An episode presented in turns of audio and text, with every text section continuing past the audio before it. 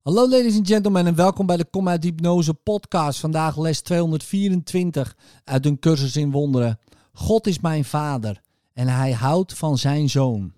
Mijn ware identiteit is zo zeker, zo verheven, zonderloos, glorierijk en groots, volkomen weldadig en vrij van schuld, dat de hemel zich tot haar richt om zich licht te laten geven. Ze verlicht de wereld evenzeer. Ze is het geschenk dat mijn vader mij gegeven heeft en evenzeer dat wat ik de wereld geef. Geen ander geschenk dan dit kan worden gegeven of ontvangen. Dit en dit alleen is werkelijkheid. Dit is het einde van illusie. Het is de waarheid. Vader, mijn naam is u nog steeds bekend. Ik ben die vergeten en weet niet waarheen ik ga, wie ik ben of wat ik doe. Help me nu herinneren, Vader, want ik ben de wereld die ik zie moe. Onthul wat u mij in plaats daarvan wil laten zien.